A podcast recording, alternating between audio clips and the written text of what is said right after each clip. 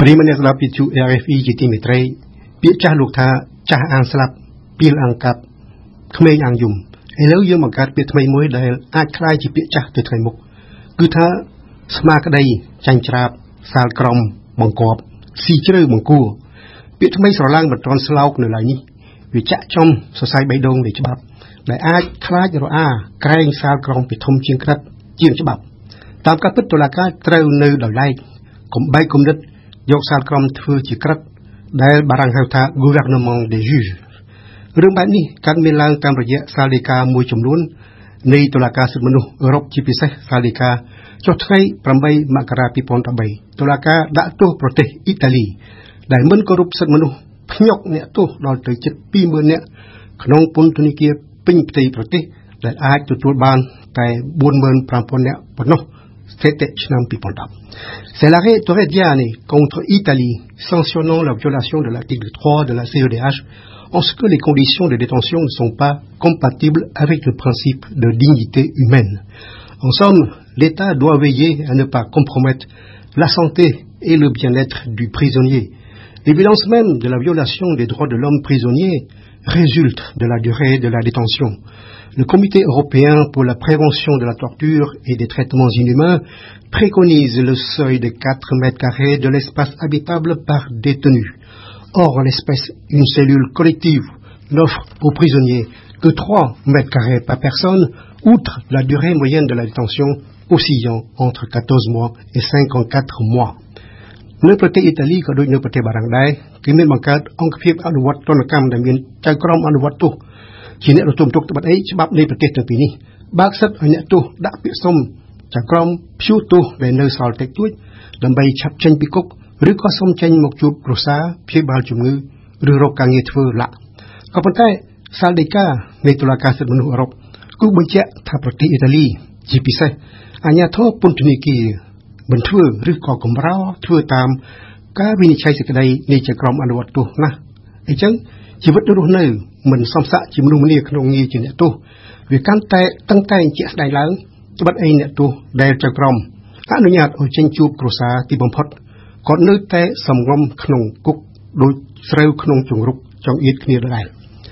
Combien même les prisonniers requérants ont obtenu leur transfert dans d'autres cellules qui sont conformes à la norme de 4 mètres carrés, outre la fin de peine de certains d'entre eux, redevenus libres le jour du procès à Strasbourg,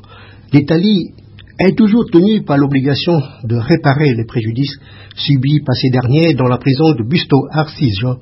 dont M. Torreggiani était détenu, et la prison de Piacenza. Voici un morceau choisi de l'arrêt. Ouvrez les guillemets. Même si la Cour admet qu'en l'espèce rien n'indique qu'il y ait eu intention d'humilier ou de rabaisser les requérants, l'absence dans tel but ne saurait exclure un constat de violation de l'article 3. La Cour estime donc que les conditions de détention en cause, compte tenu également de la durée d'incarcération des requérants, ont soumis les intéressés à une épreuve d'une intensité qui excédait le duo normal de souffrance inhérent à la détention. នីតិវិធីមកតុលាការសិទ្ធិមនុស្សអឺរ៉ុបដែលស្ថិតនៅខេត្ត Strasbourg ប្រទេសបារាំងតម្រូវឲ្យដើមបណ្ដឹងបើកសំណុំរឿងប្តឹងតុលាការក្នុងប្រទេសរបស់ខ្លួនរហូតដល់តុលាការកំពូលចេញសាលក្រមឲ្យចាញ់សិនទើបមានសិទ្ធិដាក់ពាក្យចូលតុលាការសិទ្ធិមនុស្សគោលការណ៍នេះគោរពអធិបតេយ្យនៃតុលាការរបស់ប្រទេសនីមួយៗដែលជាសមាជិកនៃសហភាពអឺរ៉ុបគឺថាទុកឱកាសឲ្យប្រទេសដែលជាចុងចោតចាត់វិធានការកែកំហុស ឲ្យមកស្របតាមច្បាប់វិញនៅក្នុងករណីដែលលើកយកមកបរិយាយថ្ងៃនេះអ្នកដើមមិនដឹងឈ្មោះតូរ៉េតយ៉ានីជាអ្នកនាំមុខមិនបានគោរពនីតិវិធីនេះទេអញ្ចឹងតុលាការវិនិច្ឆ័យសេចក្តីបែបណាដែរ Profitant de cela pour battre en brèche le crédit de Torrediani, le gouvernement italien multiplie les moyens d'irrecevabilité sans obtenir pour autant de succès car il est constant que la Cour de Strasbourg, que s'il appelle que la règle de l'épuisement des voies de recours interne a pour finalité de permettre aux États partis de faire amende honorable, encore faut-il qu'il existe un recours effectif et accessible Telles furent ces décisions en date des 19 février 1998 et 26 octobre 2000 dans les affaires respectivement de Dalia contre France et Kudla contre Pologne.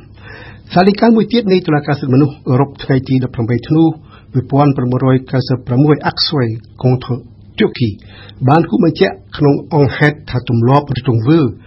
នៃរដ្ឋបាលទូគីដែលច្រានចោល100%នៅពីបណ្ដឹងទាំងឡាយប្រឆាំងនឹងរដ្ឋអំណាចទង្វើបែបនេះធ្វើឲ្យកតបកិច្ច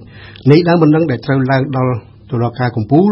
คล้ายទៅជាទង្វើអត់បានការជាមុនស្រេចទៅហើយអាស្រ័យហេតុនេះបើតាមអង្គច្បាប់ ផ្អែកលើគោលការណ៍ទូទៅនៃច្បាប់អន្តរជាតិគឺគោលការណ៍ប្តឹងឲ្យបានការហៅគោ effective គោលការណ៍នេះមានប្រៀបជាងគោលការណ៍ប្តឹងឲ្យដល់កំពូលទោះបីទូរ៉េតយ៉ានេះមិនបានគ្រប់នីតិវិធីនេះក្តីក៏ទល់ហើយកនេះត្រូវតុលាការសិទ្ធិមនុស្សច្រានចោលទៅវិញដោយនៅចុងបញ្ចប់វិនិច្ឆ័យជាក្តីឲ្យប្រទេសអ៊ីតាលីចាញ់ទូរ៉េតយ៉ានេះលើពីនេះទៅទៀតចៅក្រមនៅក្នុងចំណុចមួយនៃសាក្រមដែល ជាអង្គហេតុនាំឲ្យតុលាការវិនិច្ឆ័យសេចក្តីបែបនេះតុលាការគូបញ្ជាក់ថាប្រទេសសមាជិកសភាអឺរ៉ុបក៏បីពន្យុះ incité ចៅក្រមនឹងព្រះរាជអាជ្ញាកុំឲ្យឧស្សាហ៍ដាក់ទោសជាប់ពន្ធនាគារពេកឲ្យងាករេយកទណ្ឌកម្មផ្សេងផ្សេងក្រៅពីនេះផងសាលីកានេះស៊ីជម្រៅពីព្រោះលោកដៃក៏គោលោកឡំកិច្ចការផ្ទាល់នៃតុលាការប្រទេសនីមួយៗដោយសំអាងលើកត្តាតែមួយគឺចំនួនអ្នកទោសច្រើនលើសលប់ក្នុងពន្ធនាគារតុលាការនឹងជាក្រុមស៊ើបសួរ ដែលសម្រេចដាក់ទណ្ឌិតនឹងជនជាប់ចោតក្នុងពន្ធនាគារគឺធ្វើការវិនិច្ឆ័យសេចក្តីបែបនេះទៅតាមអង្គហេតុនិងអង្គច្បាប់មិនមែនឈរលើនយោបាយចង់ឲ្យអ្នកទោសរស់ស្រួលសមជាងសមជាមនុស្សម្នានោះទេបើរដ្ឋអំណាចមិនខ្នាត់គ្នាសង់ពន្ធនាគារបន្ថែមឬក៏រករក្សាសន្តិសុខសង្គមពីដំបូងទីទេចៅក្រមមិនអាចទទួលយកកត្តាទាំងនេះជាអង្គហេតុក្រៅសំណុំរឿងដើម្បីធ្វើខ្លួនឲ្យคล้ายជាអ្នកចៅក្រមចំក្រៅបានឡើយ ចៅក្រមត្រូវនៅចំកណ្ដាលសាច់រឿងទើបមានយុត្តិធម៌ Pour terminer, dans l'arrêt du 10 janvier 2012, Ananief contre Russie, la Cour de Strasbourg osait énoncer des mesures précises afin de réduire le nombre de détentions provisoires. Regrettable est la confusion entre juger et gouverner. Merci, chers auditeurs, d'avoir écouté. Au revoir et à bientôt.